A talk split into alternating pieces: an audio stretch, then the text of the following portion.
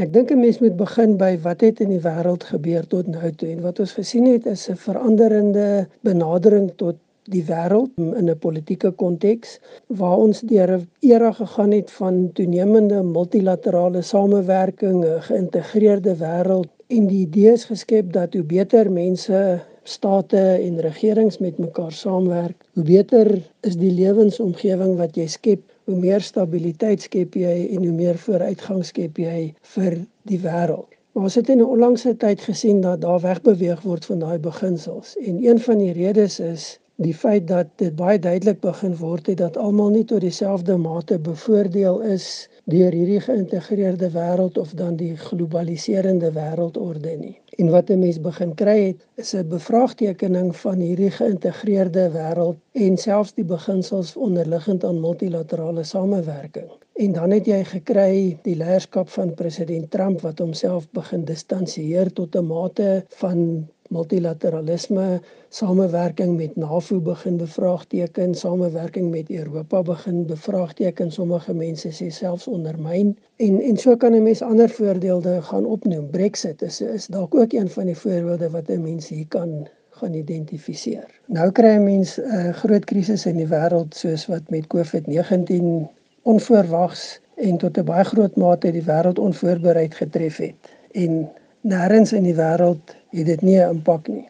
En dan sien ons die foutlyne van die multilaterale en globale wêreldorde. Byvoorbeeld, skielik is daar nie meer genoeg van die noodsaaklike produkte nie en state begin kompeteer om hierdie noodsaaklike produkte te begin bymekaar maak. Nou is die wêreld, die res van die wêreld blootgestel en nou begin 'n mens kry dat daar 'n kompetisie ontstaan tussen state wat eintlik met mekaar moet saamwerk en leiers wat eintlik mekaar moet ondersteun en planne maak, begin mekaar beskuldig en verantwoordelik hou vir die omstandigheid in die wêreld. En die vraag wat dit by 'n mens laat ontstaan is of hierdie wêreldorde, die geïntegreerde wêreld met sy produksielyne en beginsels van samewerking werklik tot almal se voordeel strek en tot almal se voordeel strek buite omstandighede waar dit noodwendig goed gaan of normaal as normaal beskryf kan word. En dan begin mense 'n paar vrae vra oor die toekoms. Is hierdie geïntegreerde wêreldorde volhoubaar? Is dit die oplossing? En indien nie, wat is die alternatief?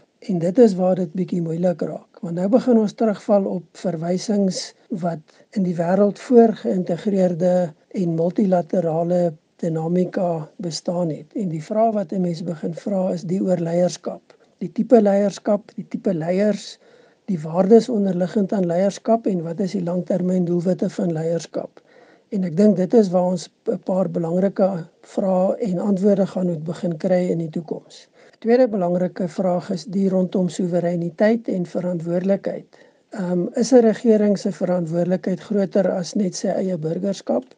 Is daar iets soos 'n verantwoordelike wêreldburger en 'n verantwoordelikheid teenoor die wêreldgemeenskap? Of moet 'n mens doeteenvoudig net kyk na eie belange, jou eie um, gemeenskap, jou eie bevolking en jou eie primêre oorlewingsdoelwitte? Indien dit die antwoord op daai vraag ja is, dan begin 'n mens kyk na 'n baie ander tipe wêreld want nou sit ons nie net in 'n met ou wêreldse verwagtinge nie, maar ons sit met 'n tegnologies totaal ander wêreld. En dit beteken dat jy potensieel groot risiko's begin oopmaak as dit jou benadering is. Saam met dit, wat is die basis van en die waardebeginsels op grond waarvan jy jou verantwoordelikhede as regering um, of as burger binne 'n staat of binne die wêreldkonteks begin opneem.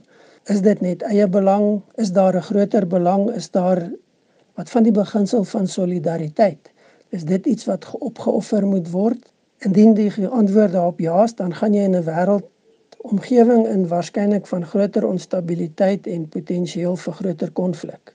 Indien die antwoord nee is, dan moet 'n mens baie mooi gaan herbedink oor wat is die basis van samewerking en waar begin en hou verantwoordelikhede van verskillende rolspelers op, veral jou dominante rolspelers in die wêreldpolitiek. Die risiko dat jy meer konflik kan skep, is een wat 'n mens nie uit die oog moet verloor nie en dat jy meer onstabiliteit gaan skep wat konflik in die hand werk, is nie 'n tipe wêreld waarin 'n mens waarskynlik graag sou wou lewe nie. Dit bring die vraag dan van die verhouding tussen regerder en onderdaan in. En daar sentreer die spanning rondom die kwessie van demokrasie. Is dit nog steeds die tipe regering wat 'n mens in die vooruitsig stel en indien wel begin jy in die rigting gaan wat sommige al reeds begin argumenteer wat sê eintlik is minder demokrasie die oplossing vir die hantering van probleme soos wat ons nou in die gesig staar. Um, en dis 'n hoogs gevaarlike en riskante argument om te voer want waar begin en waar hou dit dan op? Of is jy dan in die in die baan van ongebreidelde magsuitoefening deur bepaalde politieke elites? Ehm um, weer eens 'n hoogs riskante en in my opinie nie 'n baie wyse en aanvaarbare standpunt nie.